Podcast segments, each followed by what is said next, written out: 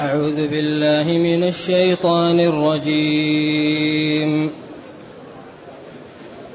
ولو أنا كتبنا عليهم أن اقتلوا أنفسكم أو اخرجوا من دياركم ولو أنا كتبنا عليهم أن اقتلوا أنفسكم أو اخرجوا من دياركم ما فعلوه إلا قليل منهم.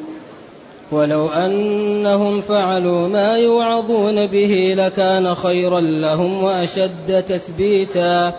وإذا لآتيناهم من لدنا أجرا عظيما ولهديناهم صراطا مستقيما. ومن يطع الله والرسول فأولئك مع الذين أنعم الله عليهم فأولئك مع الذين أنعم الله عليهم من النبيين والصديقين والشهداء والصالحين. وحسن أولئك رفيقا. ذلك الفضل من الله. وكفى بالله عليما. الحمد لله الذي أنزل إلينا أشمل الكتاب وأرسل إلينا أفضل الرسل. وجعلنا خير أمة أخرجت للناس. فله الحمد وله الشكر على هذه النعم العظيمة. فله الحمد وله الشكر على هذه النعم العظيمة والآلاء الجسيمة. والصلاة والسلام على خير خلق الله وعلى آله وأصحابه ومن اهتدى بهداه.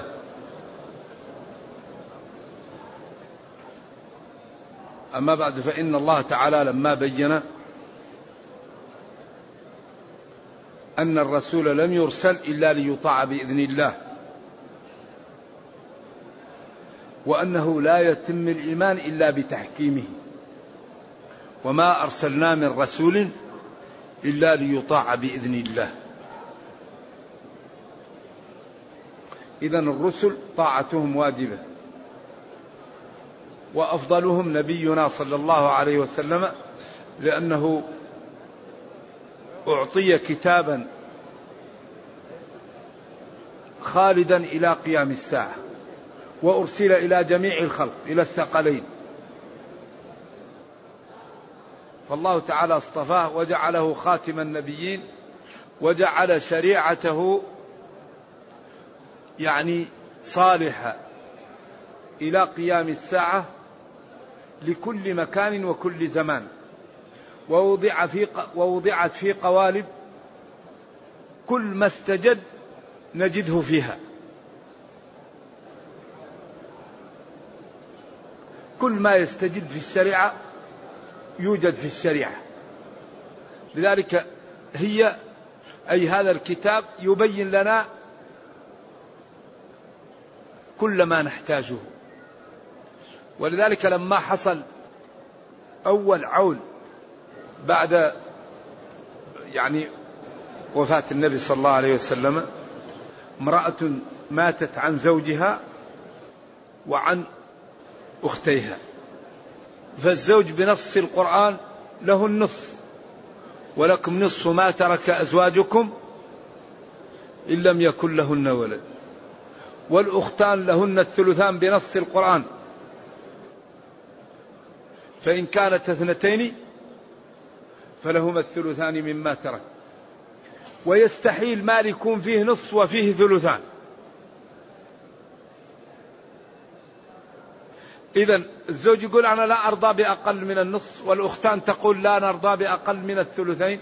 إذا نتركهم يتضاربون ما الذي نفعل؟ إذا لابد نحل القضية.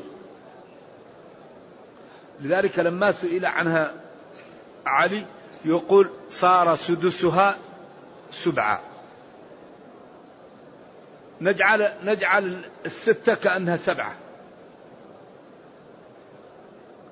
ونحل المشكلة ويكون كل واحد وصله بعض من؟ من النقص. إذا هذه الشريعة معللة وكل ما استجد شيء نجده فيها.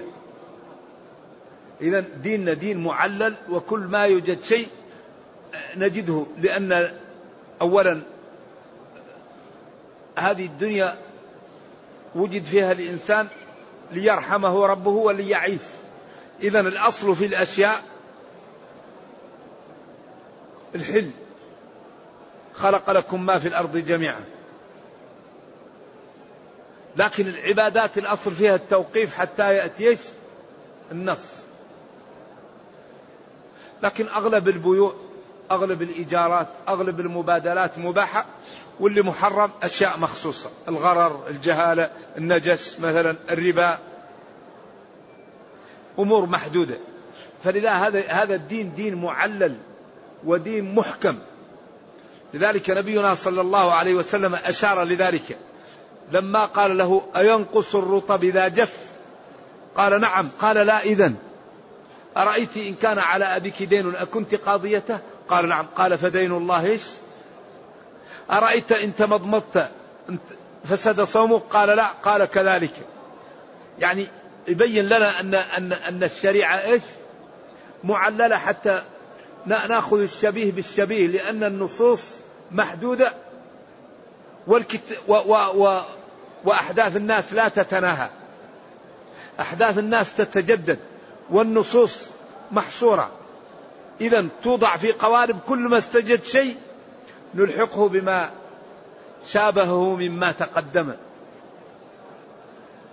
لذلك الأعرابي التي ولدت زوجه غلاما يختلف عن لونه.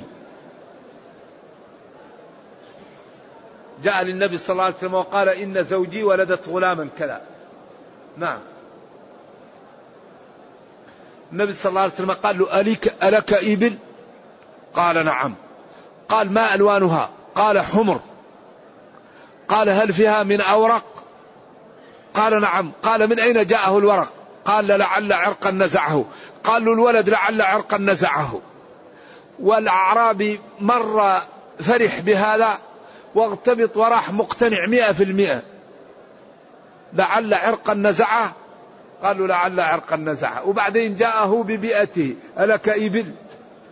يعني أيوة هذا تعبير من البيئة ليفهم الأعراب الإبل ويعرف كيف. إذا أصل وفرع وعلة وحكم. ولذلك قال فاعتبروا يا أولي الأبصار. فديننا والحمد لله دين من القوة والمتانة والحسن ما لا يعلمه إلا الله. إذا هنا يقول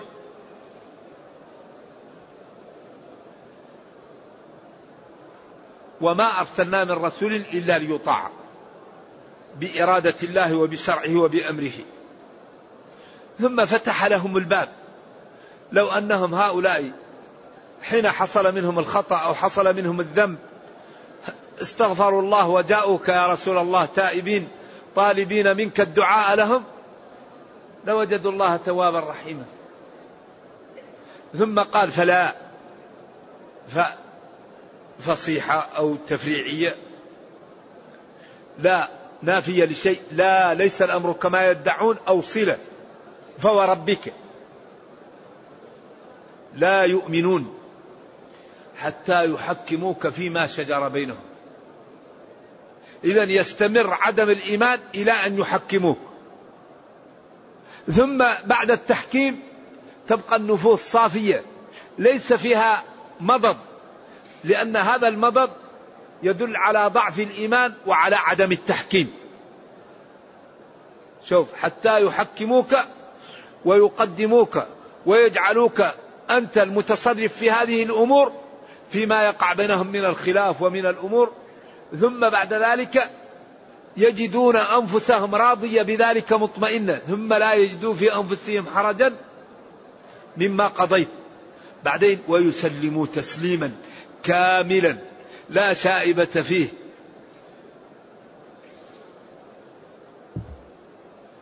ثم قال جل وعلا ولو أنا كتبنا عليهم أن اقتلوا أنفسكم أو اخرجوا من دياركم ما فعلوه إلا قليل منهم إلا قليلا منهم. هذه الآية الأولى قيل إن الزبير كان له مزرعة في شرد من يعني مسيل من مسائل الحرة. وجاء المطر والمطر في المدينة شحيح. فإذا جاء المطر يفرح به أهل المزارع. ويجعل كل واحد على ال على ال على النخيل. جدر صغير من التراب يحبس الماء. فقال النبي صلى الله عليه وسلم للزبير يا زبير احبس الماء قليل ثم أرسله لصاحبك. فقال الأنصاري أن كان ابن عمتك. فتلون وجه رسول الله صلى الله عليه وسلم وقال له يا زبير أمسك الماء حتى يبلغ الجدار. ثم أرسل الماء. كان أول يريد أن يأخذ حق الزبير فلما قال له هذا أعطى للزبير حقه. ورسولنا صلى الله عليه وسلم لا يمنعه الرضا أو الغضب من أن يعطي الحق. بعدين قال له لا أمسك الماء حتى يبلغ الجدر ثم أرسل الماء لجارك. ولم يسجنه ولم يضرب يضربه. ولم يعمل له أي حاجة. صلوات الله وسلامه عليه. كان رحيما ب ولم ينتقم لنفسه. ما انتقم لنفسه. ابدا. ينتقم إذا انتهكت حرمات الله. إذا فقالوا قال الزبير لا أظن هذه الآية إلا نزلت فيه. فلا وربك لا يؤمنون حتى يحكمك فيما شجر بينهم. ثم لا يجدوا في أنفسهم حرجا مما قضيت ويسلموا تسليما أو في المنافق الذي ذهب إلى الطاغوت أو إلى الكعب بن الأشرف يريد. الآية المهم أن العبرة بعموم الألفاظ لا بخصوص الأسباب. العبرة في في دلالات الشريعة بعموم ألفاظها. يعني أن الآية لو نزلت بشيء خاص المهم عموم اللفظ. فلا وربك لا يؤمنون الواو هذه الضمير يدل على العموم حتى يحكموك هم جميعا فيما يقع بينهم سواء كان سبب نزولها المنافق أو الصحابي أو سبب نزولها أمر آخر. المهم أن هذه الآية تعم من كان بهذه الصفة. أي إنسان لا يحكم دين الله ويجد مضض في شرع الله فهذا يعني أن إيمانه في مشكلة. وأنه ليس بمؤمن.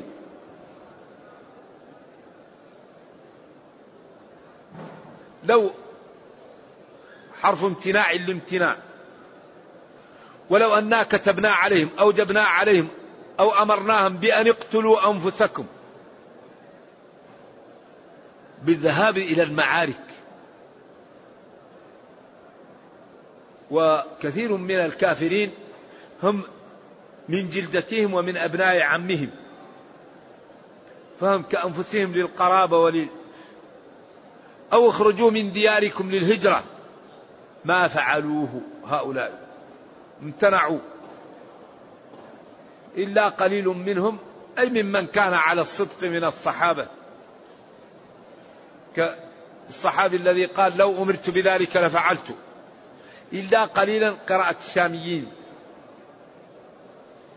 وهي إشكال لأن الاستثناء هنا منفي ولكن من العلماء من ينصبه ولو هو منفي. وعلى الرفع يكون بدل من الواو أو تكون مكررة. ما فعلوه ما فعله إلا قليل منهم. تكون فعل مكررة أو تكون قليل بدل من الواو في فعلوه. أما على النصب فيه بعض التأويلات وهو جائز لغة. ولا غبار عليه وإن كان الرفع أكثر في مثل هذا. ولو أن هؤلاء فعلوا وطبقوا ما يوعظون به ويؤمرون به لكان خيرا لهم في دنياهم وأخراهم وأشد لهم رسوخا في الدين ومكنهم لأن ذلك يصلح لهم دنياهم وأخراهم. واذا لو فعلوا ذلك وأقاموا به لأعطيناهم من لدنا من عندنا أجرا عظيما. وأجرا عظيما من الله هذا لا يقدر قدره.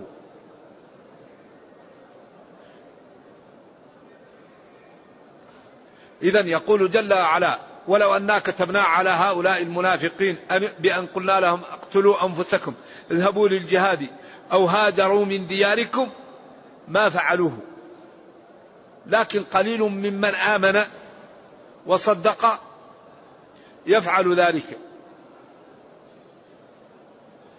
ولو فعلوا ونفذوا ما أمروا به لكان ذلك أسعد لهم وأشد لهم تقوية لدينهم ولإيمانهم. وإذا لفعلوا ذلك لاعطيناهم من عندنا أجرا ثوابا عظيما في الدنيا والأخرى.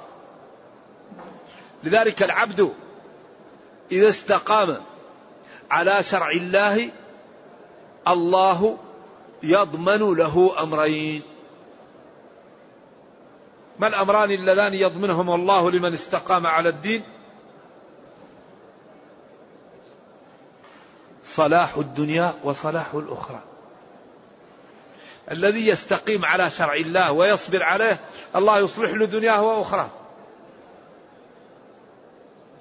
لأن الله تعالى قادر وكريم ولا يضيع أجر من أحسن عملا ولا تخفى عليه خافية وأمره إذا أراد شيئا. إذا ما الذي نريد؟ ينبغي الحقيقة أن تكون الحياة على ما طلب الله منا.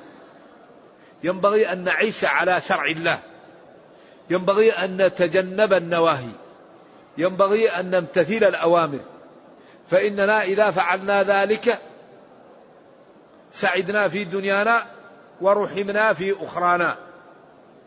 ولو أنهم فعلوا ما يوعظون به يؤمرون به ويخوفون به لكان خيرا لهم في دنياهم وأخراهم وأشد تثبيتا لما هم عليه.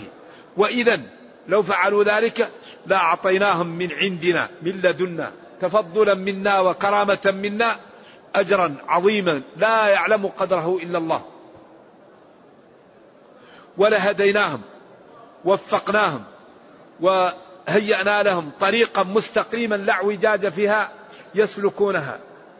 لذلك من أكبر أسباب التثبيت على الاستقامة هو عدم المعاصي. الاستقامة تثبت على الاستقامة. والذي يعمل الطاعات الله يوفقه على الثبات ويوفقه على سلوك الطريق الرشيد. وإذا أخطأ الله يسامحه وإذا عمل بما علم الله يلهمه علم ما لم يعلم. لأن العبد إذا عمل بما علم علمه الله ما لم يعلم. جعل في لسانه السداد وفي عمله الخير ووفقه واستنار قلبه فأصبح إذا عمل بما علم الله يسامحه فيما لم فيما جهل يسامحه لا يؤاخذه. ويلهمه الله علم ما لم يعلم. وإذا لأعطيناهم من لدنا من عندنا أجرا عظيما ولهديناهم صراطا مستقيما. الصراط هو الطريق. المستقيم هو الذي لا اعوجاج فيه وهذه الشريعة. ولذلك ربنا أكرمنا بأن أوجب علينا قراءة الفاتحة في كل ركعة. ونحن في كل ركعة نقول اهدنا الصراط المستقيم. وفقنا وأرشدنا للطريق المستقيم. وهذا الطريق المستقيم هو لمن يطع الله ورسوله وهو الذي سلكه من أنعم عليهم من الأوصاف من الشرائح التي أكرمها الله. لذلك ومن يطع الله والرسول فأولئك مع الذين أنعم الله عليهم من النبيين والصديقين والشهداء والصالحين. هذه الشرائح الأربعة هي أفضل خلق الله. ولذلك ربنا أوجب علينا القراءة وهذه القراءة فيها الدعاء اهدنا الصراط المستقيم صراط الذين أنعمت عليهم من النبيين والصديقين والشهداء والصالحين. فأنعمت عليهم هي المبينة هم في الفاتحة. إذا هذا هنا هو بيان صراط الذين أنعمت عليهم. وقد خط النبي صلى الله عليه وسلم خطوطا وخط خطوطا وسلك. فقال إن الخط هو الدين وهنا خطوط وكل خط عليه الشيطان يدعوه. وقال ولا تتبعوا السبل فتفرق بكم. لأن الخط يكون جنبه طرق غير واصلة. فإذا مشى مع الواحد طاح في حفرة أو في جبل أو في شيء. لذلك ولا تتبعوا السبل فتفرق بكم.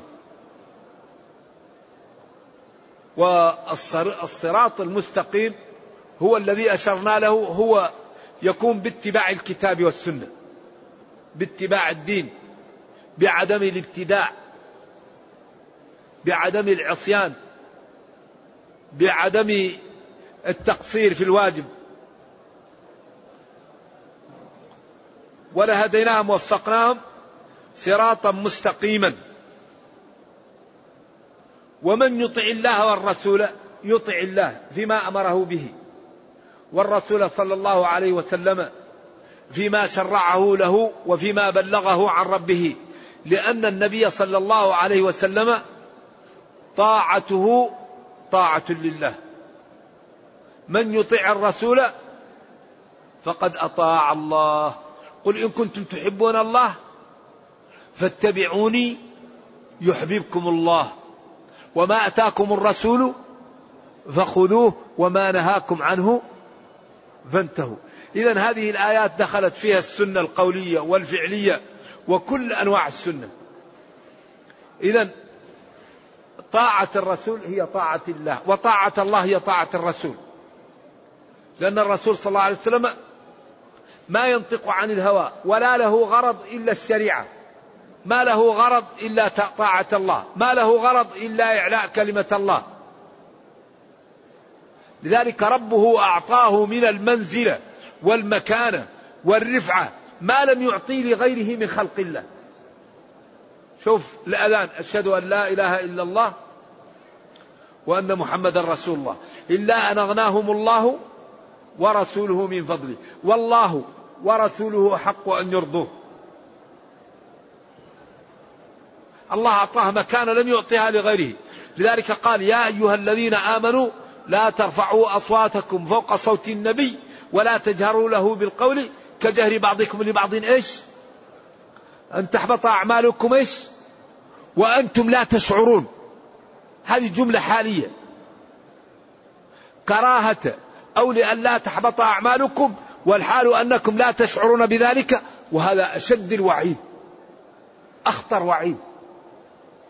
إذا ربنا أعطاه مكانة عاليه ومنزلة رفيعة ولكن هذه المنزلة لا نرفعها ونعطيه حق الله فهذا لا يجوز. فلذلك لابد أن ننتبه. فلا ننقص النبي صلى الله عليه وسلم عن حقه ولا نعطيه حق الله. لأن الله تعالى قال قل لا يعلم من في السماوات والأرض الغيب إلا الله. فلا نقول أن الرسول صلى الله عليه وسلم يعلم الغيب إلا ما علمه الله. ولا ندعو إلا الله. لأن النبي صلى الله عليه وسلم قال للغلام إذا سألت فاسأل الله. وقال ربكم ادعوني أستجب لكم.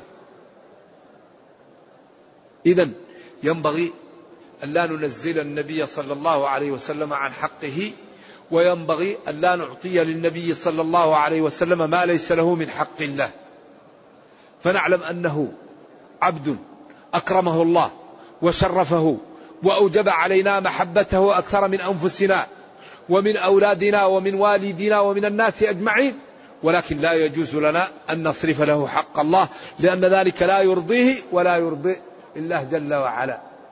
فلذلك كلا طرفي قصد الأمور ذميم الإفراط والتفريط. ولكن ينبغي أن نسير مع النصوص كما قال جل وعلا يا أيها الذين آمنوا لا تقدموا بين يدي الله ورسوله. لا يكون لكم التقدم. ثم قال لا ترفعوا أصواتكم فوق صوت النبي ولا تجهروا له بالقول. ثم قال إن الذين يغضون أصواتهم عند رسول الله أولئك الذين امتحن الله قلوبهم للتقوى. وبعدين هو قال لا تطروني كما أطرت النصارى المسيح بن مريم. إنه لا يستغاث بي وإنما يستغاث بالله. فلذلك ينبغي أن نتبع النصوص لأنها هي التي تسعدنا في الدنيا وترحمنا في الأخرى. إذا ومن يطع الله والرسول يطع الله فيما شرع. والرسول صلى الله عليه وسلم فيما بلغ عن الله وبين. ولذلك الله قال لنبيه لتبين للناس ما نزل إليهم. النبي صلى الله عليه وسلم قال ما أبين من حي فهو إيش؟ فهو ميت. لكن الآية خصصت. ما الآية الذي خصصت هذا؟ هو مشرع ولكن الكتاب والسنة يبينان بعضا أحيانا الآية تبينها السنة وأحيانا السنة تبين الحديث. الآية تبين السنة. لأنه قال ومن أصوافها وأوبارها وأشعارها أثاثا ومتاعا إلى حين وهي أبينت من حي لكن طاهرة. أليس هذا تخصيصا لها؟ فلذلك الكتاب والسنة يبينان بعض. ونبينا قال له ربه لتبين للناس ما نزل إليه وقال لا إني أوتيت الكتاب ومثله معه. ولما قالوا أينا لم لم يلبس إيمانه بظلم؟ قال ليس الظلم. إن إن الشرك لظلم عظيم. ولما قالت من نوقش الحساب هلك؟ قالت له ما في قال ليس ذلك المناقشة ذاك العرض قال. قال لها يا عائشة.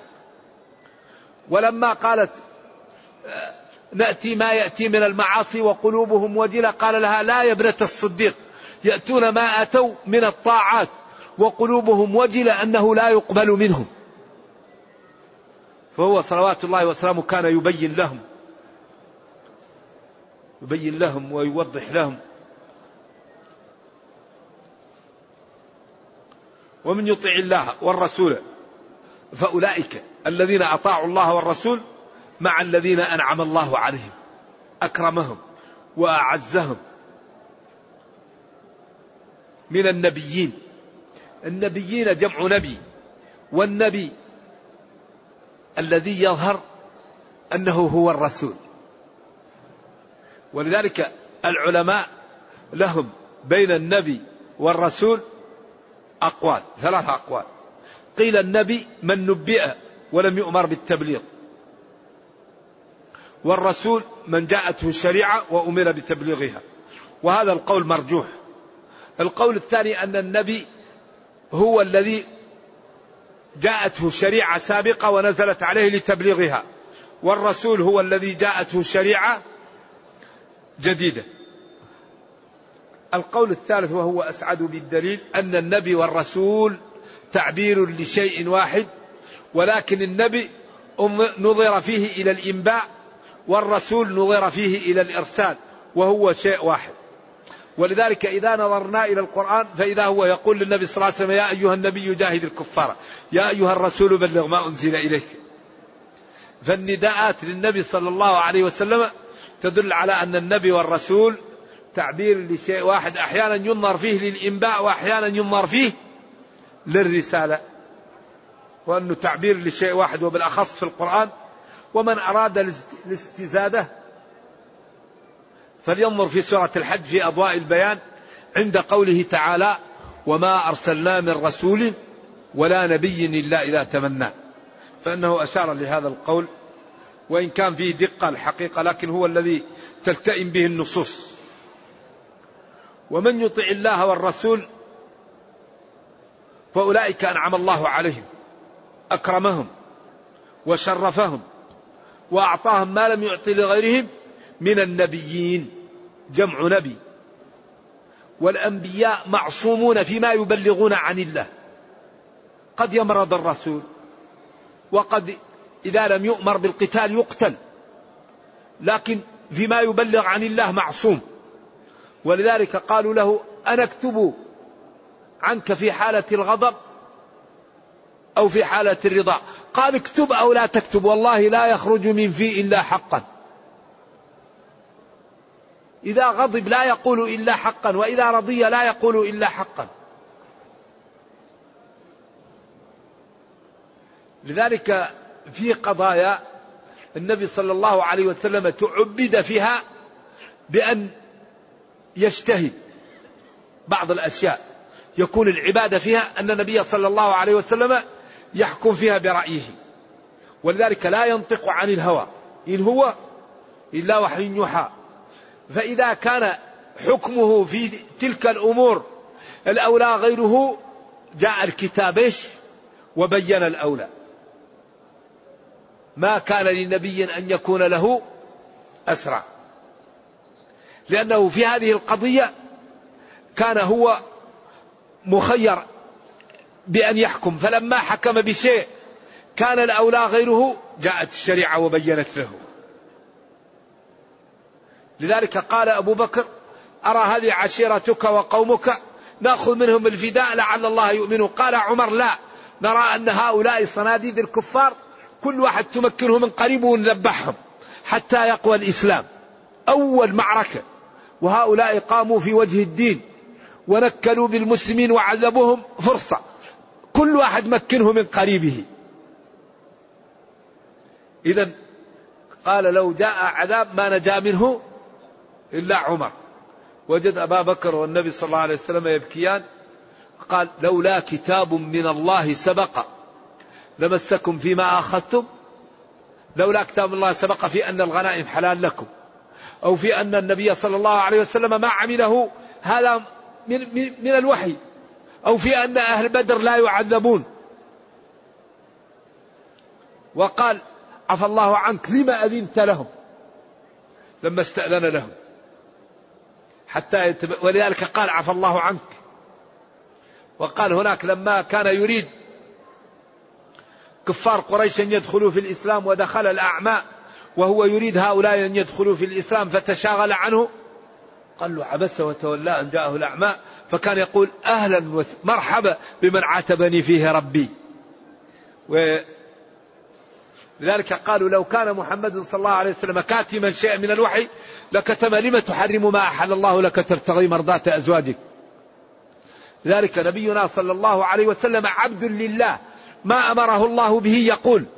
ولذلك لا ينطق عن الهوى فإذا تعبد باجتهاد في مسألة وكان الأولى شيء رب يبين له الأولى هذا لكن لا عليه في ذلك مضاضة. ولذلك الله قدم له عفى الله عنك وقال لولا كتاب من الله سبق فأن هذا الذي تعبدت به أو أن أهل بدر أو أن الغنائم تكون حلالا على الأقوال الموجودة. ذلك الحقيقة لا بد للمسلم أن يوطن نفسه على الاتباع. اتباع لدين الله. لا بد أن نوطن أنفسنا. بعض الناس يكون طيب لكن شيخنا قال شيخي قال طيب شيخك إذا قال يا أخي شيخك ما هو معصوم أو عندنا في المذهب. لابد توطن نفسك على إيش؟ على الاتباع. فإذا وطن العبد نفسه على اتباع هذا أصبح من عباد الله الصالحين. أما الخطأ لا, يخط... لا, ي... لا يسلم أحد من الخطأ. لكن يكون أنا قصدي الاتباع إذا أخطأت قبل أن نجد النص. إذا أخطأت قبل أن نعلم أن هذا القول مرجوح. أما إذا علمت أن هذا القول راجح أو أن هذا القول فيه نص على طول نذهب مع النص. ونترحم على العلماء. ونترضى عليهم. ونعلم أنهم أحسن منا وأفضل. ولكن لا نعطيهم درجة إيش؟ النصوص درجة الأصل. وهذا الحقيقة يقع في مسائل قليلة. أغلب المسائل أصلا لا الخلاف فيها سائر. وخصوصا في الفقه. أغلب الفقه المسائل الخلاف فيه سائر. لأن هنا في دليل وهنا في دليل. وكون أن أنت يترجح عندك دليل قد يترجح عند المخالف إيش؟ دليل الثاني.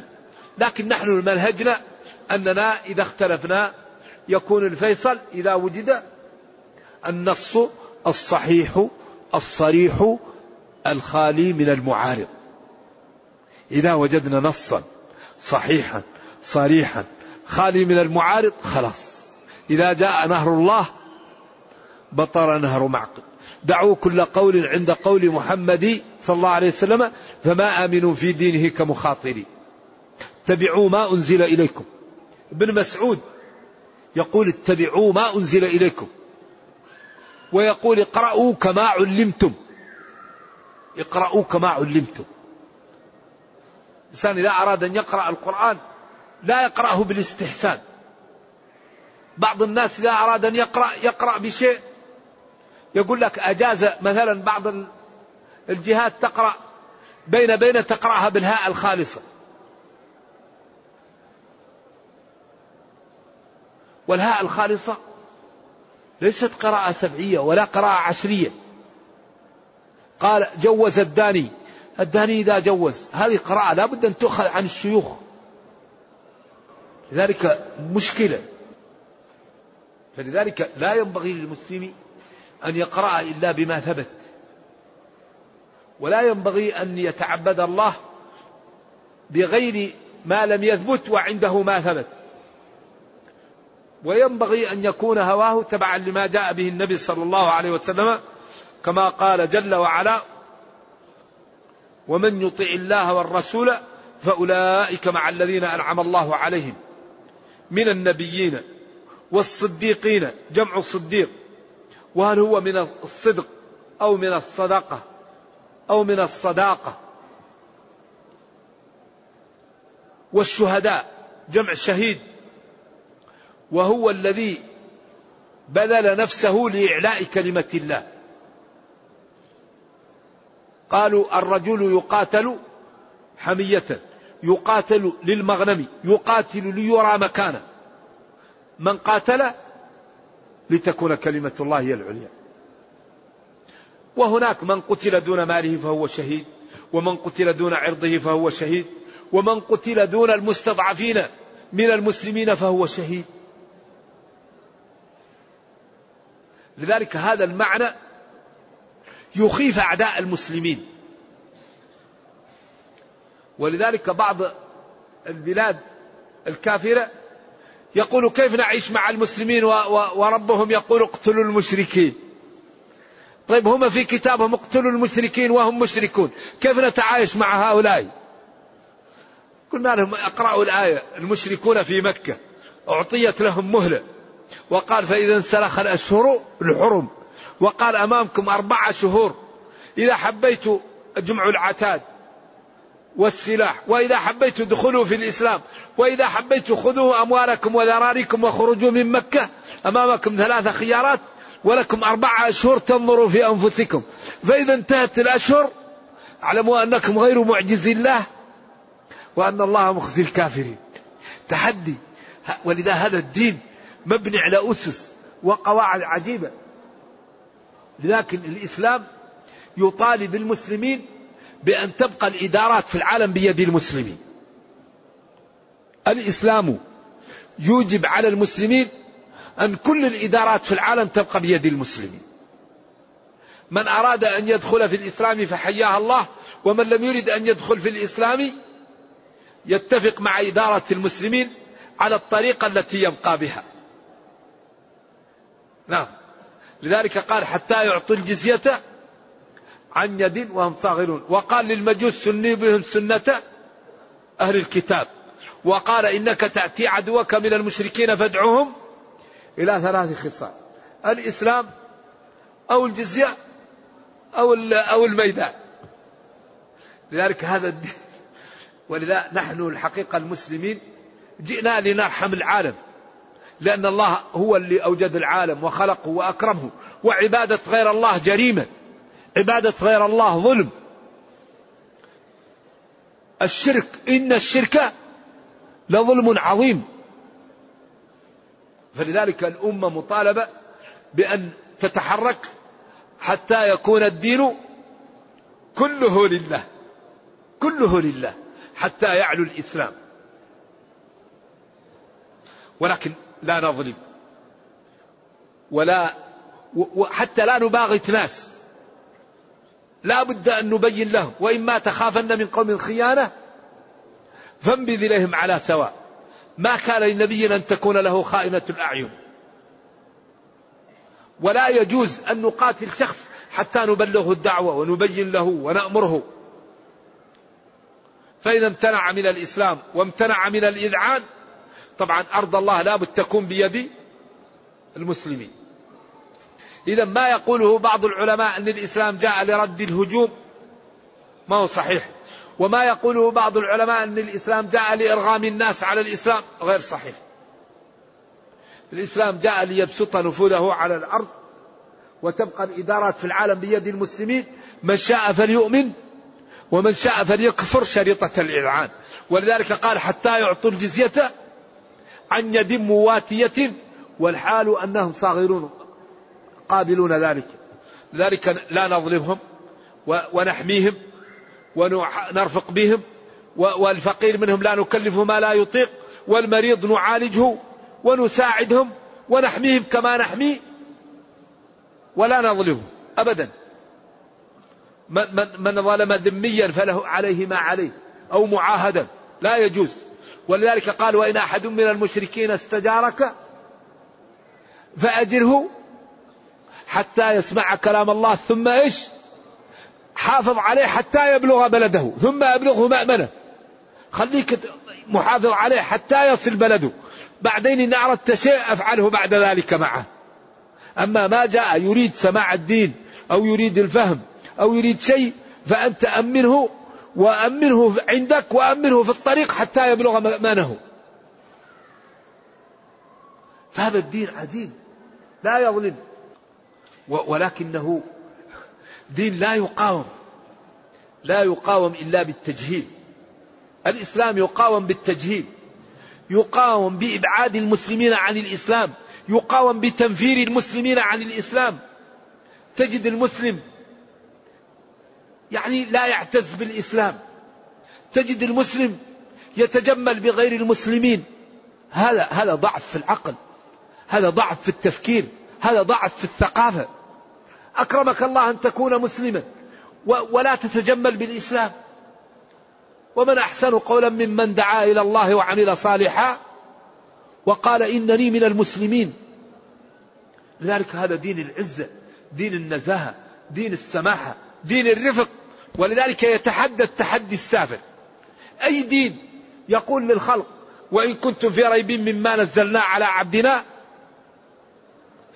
فأتوا بسورة من مثله. إذا هذا تحدي سافر هذا تحدي سافر لأهل الأرض لسكان هذه هذا الكوكب.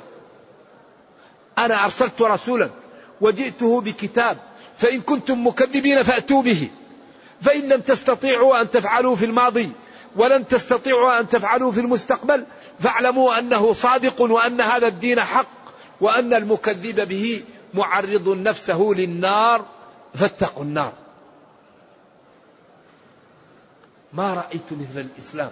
والله حري بالمسلمين أن يعتزوا بهذا الكتاب وأن يفهموه وأن يتعلموه وأن لا يكونوا سببا في نفرة غير المسلمين عن الإسلام.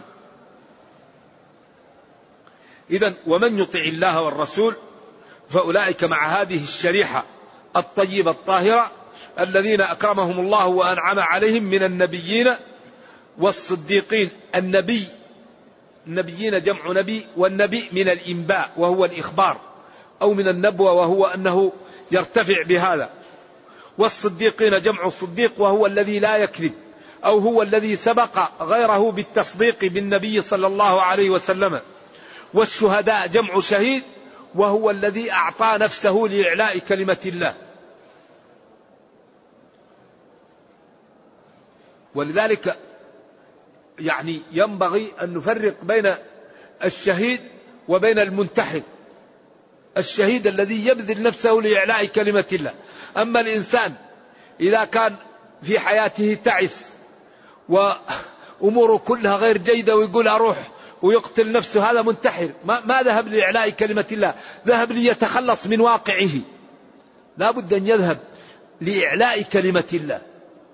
إن الله اشترى من المؤمنين بأن لهم الجنة.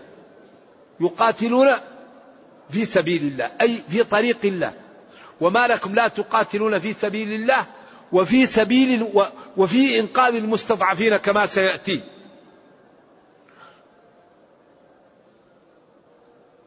والصالحين جمع صالح وهو الذي استقام وابتعد عن الحرام وفعل الواجب والمندوب والمسنون.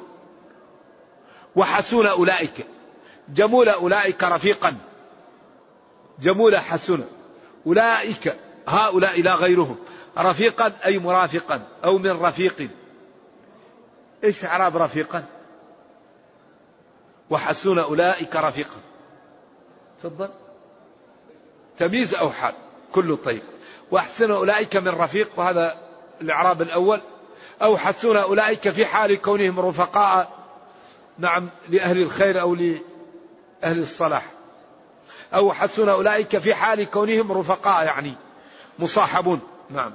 لكن التمييز فيها البيان فيها أقوى وهو التمييز.